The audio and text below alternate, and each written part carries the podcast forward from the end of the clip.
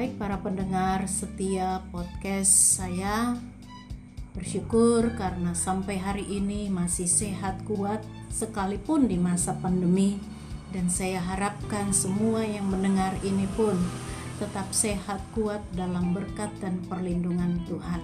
Sekalipun ada yang mungkin mendengar ini dalam situasi atau dalam masa kesulitan, menghadapi berbagai tantangan, tetapi kiranya doa saya, kiranya Tuhan memberikan jalan keluar bagi saudara-saudariku yang mendengarkannya. Baik, saya akan membawakan satu renungan firman Tuhan. Sebelumnya kita saya mau berdoa, Bapa di surga, terima kasih Tuhan. Kembali lagi hamba akan membawakan renungan di podcast ini Tuhan, di Angkor ini Tuhan berkati Bapak sehingga firman Tuhan yang akan hamba sampaikan memberkati semua pendengar, semua yang memutar podcast ini diberkati oleh Tuhan, dikuatkan oleh Tuhan, diteguhkan oleh Tuhan. Terima kasih Bapak. Mbak percaya apa pun pergumulan mereka, Tuhan, Engkau mendengar mereka ketika mereka datang berseru kepadamu, Yesus Kristus penolong kami. Terima kasih Bapa di dalam nama Tuhan Yesus. Haleluya. Amin. Baik pendengar yang setia, saya akan membawakan renungan dari Mazmur 37 ayat 3 sampai dengan ayat yang keempat. Dua ayat ini kita akan uh, saya akan membawakan kita dalam perenungan ini. Mazmur 37 ayat 3 dan 4. Demikian firman Tuhan.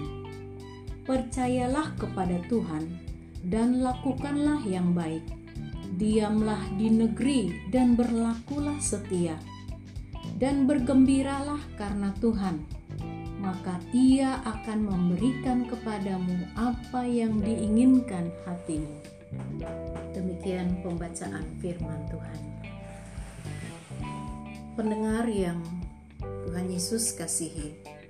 Dari pembacaan firman Tuhan Mazmur 37 ayat 3 sampai 4 ini, saya memberikan satu tema kecil yaitu apa yang diinginkan hatimu? Pertanyaan saya ajukan bagi setiap kita yang mendengarkan hal ini apa yang diinginkan hatimu.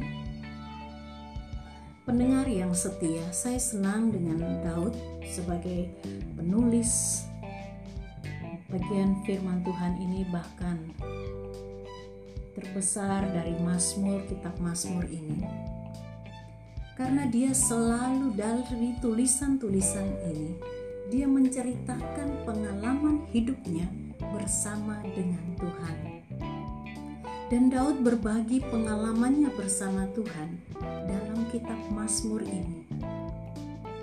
Dan pastinya pengalaman-pengalaman itu sangat berarti bagi hidupnya karena Tuhan sendiri yang langsung dan dia pengalamannya itu langsung bersama dengan Tuhan. Nah, dari tema firman Tuhan ini Kadangkala dalam hidup kita ada banyak keinginan dalam hati kita. Ada yang punya keinginan hati baik, ada juga orang yang punya keinginan hati jahat. Ada yang punya keinginan hati untuk mencapai apa yang diinginkannya, dia optimis. Tetapi sebaliknya ada pula yang memiliki keinginan hati tidak mau bersusah payah untuk mencapainya untuk mencapai tujuannya, yaitu memiliki keinginan hati, tetapi dia selalu pesimis. Nah, sering kali juga kita temukan seseorang jika keinginan hatinya tidak tercapai, maka kejahatan atau dia menjadi gelap mata, membunuh, bahkan juga mencelakakan orang. Seringkali kita dengarkan ada banyak orang ambil jalan pintas tanpa memikirkan bahaya atau akibat yang akan dialami.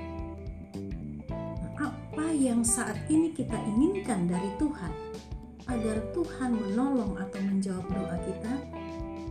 Saya yakin para pendengar memiliki keinginan hati, banyak keinginan-keinginan dalam hati yang terpendam, yang ingin Tuhan tolong.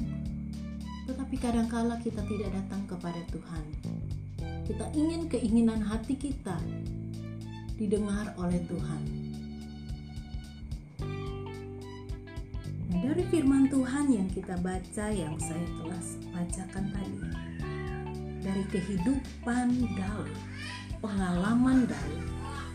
Saya temukan ada lima tips yang Daud mau berikan kepada kita agar Tuhan memberikan kepada kita apa yang diinginkan hati kita. Tips yang pertama yaitu percayalah kepada Tuhan. Di ayat yang ketiga, bagian yang pertama dikatakan, "Percayalah kepada Tuhan." Apa yang kamu inginkan yang menjadi keinginan hatimu yang kamu mau supaya Tuhan mendengar dan menjawab yang pertama, tips yang harus kita lakukan yaitu percayalah kepada Tuhan. Iman kita kepada Tuhan harus dengan segenap hati. Ataukah kita masih menyimpang ke kanan dan ke kiri?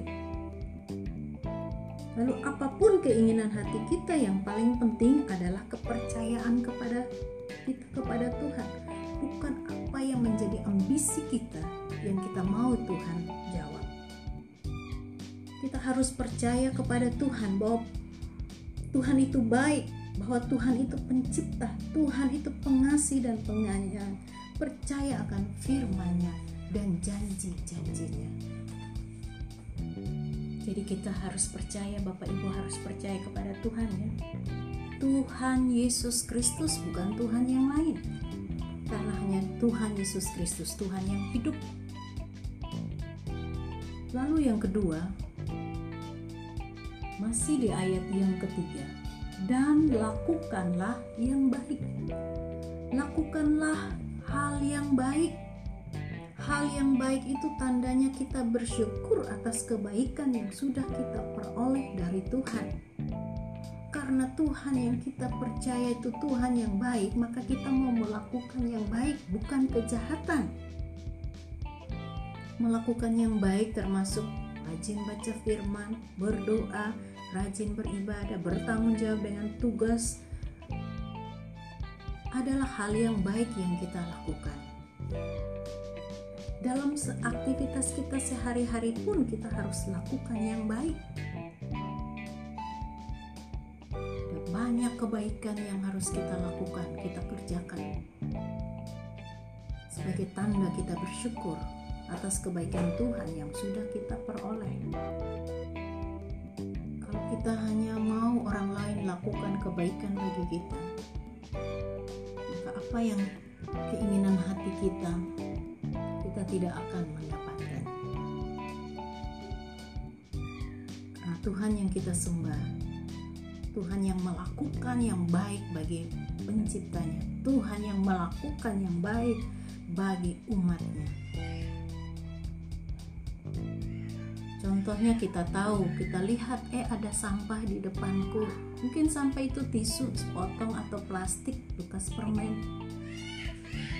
Ambillah. Itu adalah satu kebaikan yang kita lakukan dalam berdagang, daganglah dengan jujur. Dalam sekolah, sekolahlah dengan benar. Jangan katakan ke sekolah tetapi berpaling ke lain. Jadi segala hal yang berhubungan dengan kebaikan, lakukanlah itu. Berbagi sukacita, berbagi kasih dengan sesama, itu juga ada hal yang baik. Jadi segala hal yang berhubungan dengan kebaikan lakukanlah itu. Lalu yang ketiga, di ayat yang ketiga masih di ayat yang ketiga, diamlah di negeri diamlah di negeri artinya kita tetap tenang menantikan jawaban Tuhan tidak menggerutu, tidak cepat putus asa, tidak kasak kusuk. Oh, kalau Tuhan gak tolong saya, saya akan pergi seolah-olah kita ancam Tuhan. Tetapi dari pengalaman Daud kita belajar, diamlah di negeri. Tetaplah tenang sambil menantikan jawaban Tuhan. Diam berarti tidak melakukan apa-apa. Diam dan tetap percaya, tetap berdoa, tetap melakukan aktivitas kita. Karena hati kita percaya akan kuasa Tuhan. Pendengar yang Tuhan Yesus kasihi, sungguh luar biasa ya pengalaman dari Daud ini yang Daud mau bagikan bagi kita tips yang luar biasa agar apa yang diinginkan hati kita dipenuhi oleh Tuhan. Lalu tips yang keempat dikatakan masih di ayat yang ketiga, berlakulah setia. Berlakulah setia kepada Tuhan. Berlakulah setia kepada siapa? Kepada Tuhan. Setia berpegang teguh pada janjinya, setia patuh kepada dia, setia taat kepada perintahnya. Setia dari kita pertama kali menerima dia dan percaya kepada dia sebagai Tuhan dan Juru Selamat, maka kita harus setia pada janji itu. Jangan berjalannya waktu, kita seolah-olah melihat yang di luar sana lebih baik lalu kita tinggalkan Tuhan. Dan kita karena satu dan lain hal yang sepele yang kita mati nggak bawa, kita berpaling dari Tuhan Yesus. Lalu setialah kepada pekerjaan atau pelayanan. Karena firman Tuhan berkata dalam Lukas 16 ayat 10, Barang siapa setia dalam perkara-perkara kecil, ia setia juga dalam perkara-perkara besar. Bahkan Wahyu 2 ayat 10b katakan, Hendaklah engkau setia sampai mati, dan aku akan mengaruniakan kepadamu mahkota kehidupan. Wow, firman Tuhan janjikan hal ini. Jika kita setia dalam perkara-perkara besar, dalam hal-hal yang Mungkin kamu hanya bekerja sebagai satpam, kamu merasa rendah diri, nggak usah rendah diri, karena ada waktunya Tuhan mengangkat kamu asal kamu setia melakukan dengan baik. Dan juga setia kepada Tuhan sampai mati dikatakan. Dan aku akan mengaruniakan kepadamu mahkota kehidupan. Siapa yang setia kepada Tuhan Yesus Kristus sampai mati dia akan menerima mahkota kehidupan. Luar biasa. Janji firman Tuhan yang tidak didapatkan di mana pun, agama apa pun, hanya di dalam Yesus Kristus kita memperoleh. Lalu setia kepada sesama, setia kepada sesama termasuk dalam rumah tanggamu, kamu harus setia. Mungkin saat, saat pandemi ini saya mendengar bahkan menonton berita ada banyak keluarga hancur di masa pandemi ini. Yang tadinya janji setia pacaran sampai udah nggak tahu lagi rasa-rasanya pengen menikah tetapi setelah menikah janji setia itu dilanggar. Dianggap remeh dianggap ah bisa diampuni. Itu bukan orang yang setia. Setia berpegang pada janji. Bahkan juga kadangkala kita temukan ada orang yang tidak setia memegang rahasia kita ya jauhkan orang-orang. Jangan kita seperti orang-orang itu. Orang meminta kita kamu jangan pegang apa ceritakanlah kepada orang lain tetapi kita menceritakan. Ataupun mungkin kita punya masalah dengan orang yang sudah curhat kepada kita lalu kita ah kayaknya saya harus sampaikan rahasianya kepada orang lain supaya dia hancur. Kayaknya kita senang bahagia kalau orang itu hancur itu berarti kita tidak setia sekalipun kita bermasalah dengan orang itu janganlah kita tidak setia berpegang pada janji kita ketika masih dalam keadaan baik jadi pendengar yang Tuhan Yesus kasihi marilah kita tetap setia. Setia kepada Tuhan, setia kepada pekerjaan atau pelayanan yang Tuhan percayakan. Setia kepada sesama, suami, istri, janji-janji kita. Maka kita akan melihat campur tangan Tuhan. Apa pun yang menjadi keinginan hati kita, Tuhan mendengarkan semuanya bahkan dikatakan memberikan kepadamu apa yang diinginkan hatimu asal kita setia yang terakhir yang kelima dikatakan di ayat yang keempat. Dan bergembiralah karena Tuhan. Bergembiralah karena Tuhan. Jujur kita dapat berkata, manusia lebih bergembira ketika mendapatkan sesuatu ya. Ketimbang apa? Sebelum mendapatkan sesuatu, lalu kita suruh dia bergembira, bersuka cita. Wow, bisa bahaya ya. Ataupun ketika seseorang sedang sedih, lalu kita suruh bergembira, pasti kita diomelin orang tersebut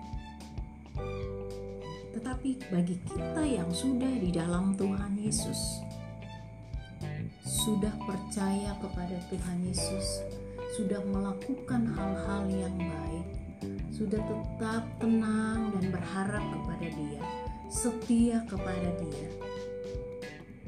Jangan kita larut di dalam hal-hal dunia ini, tetapi kita bergembira karena Tuhan, bergembira karena kita dulu kenapa kita firman Tuhan menyuruh kita bergembira dulu baru akan mendapatkan apa yang kita inginkan? Jawabannya yaitu hidup kita. Karena hidup kita tidak tergantung pada apa yang kita inginkan, tapi pada apa yang sudah kita dapatkan, yaitu hidup kekal dalam surga. Jadi kita harus fokus pada hal-hal yang penting daripada hal-hal yang hanya sementara. Manusia begitu gencar mencari hal-hal yang sementara padahal mati nggak bawa apa-apa. Hanya bekal kalau orang Kristen ya bekal sepatu satu, baju satu, apalagi ya didandanin sedikit dan kemudian di uh, peti ya petinya paling kurang paling rendah ya harganya satu juta. Itu doang. Lah seumur hidup kita hanya bawa itu doang lebih baik kita mencari Tuhan. Tuhan yang menciptakan kita. Tuhan yang menjawab doa-doa kita. Jadi Bapak Ibu saudara-saudariku yang Tuhan Yesus kasihi apa yang diinginkan hatimu saat ini? Semua yang mendengarkannya pasti tahu apa yang diinginkan hatimu saat ini. Tetaplah percaya kepada Tuhan. Lakukanlah yang baik, yang menyenangkan hati Tuhan. Lalu tetap tenang, seti tetap berdoa, jangan kita berhenti lakukan tetap tenang dan lakukan apa yang menjadi bagian kita dan tetaplah setia kepada dia dikatakan dan bergembiralah karena Tuhan. Maka ia akan memberikan kepadamu apa yang diinginkan hati. Amin. Kiranya Tuhan Yesus memberkati kita semua. Tuhan Yesus memberkati semua yang sudah mendengarkannya. Dan kiranya roh Allah bekerja sehingga kita pun melakukan tips yang Daud mau sampaikan bagi kita. Tuhan Yesus memberkati.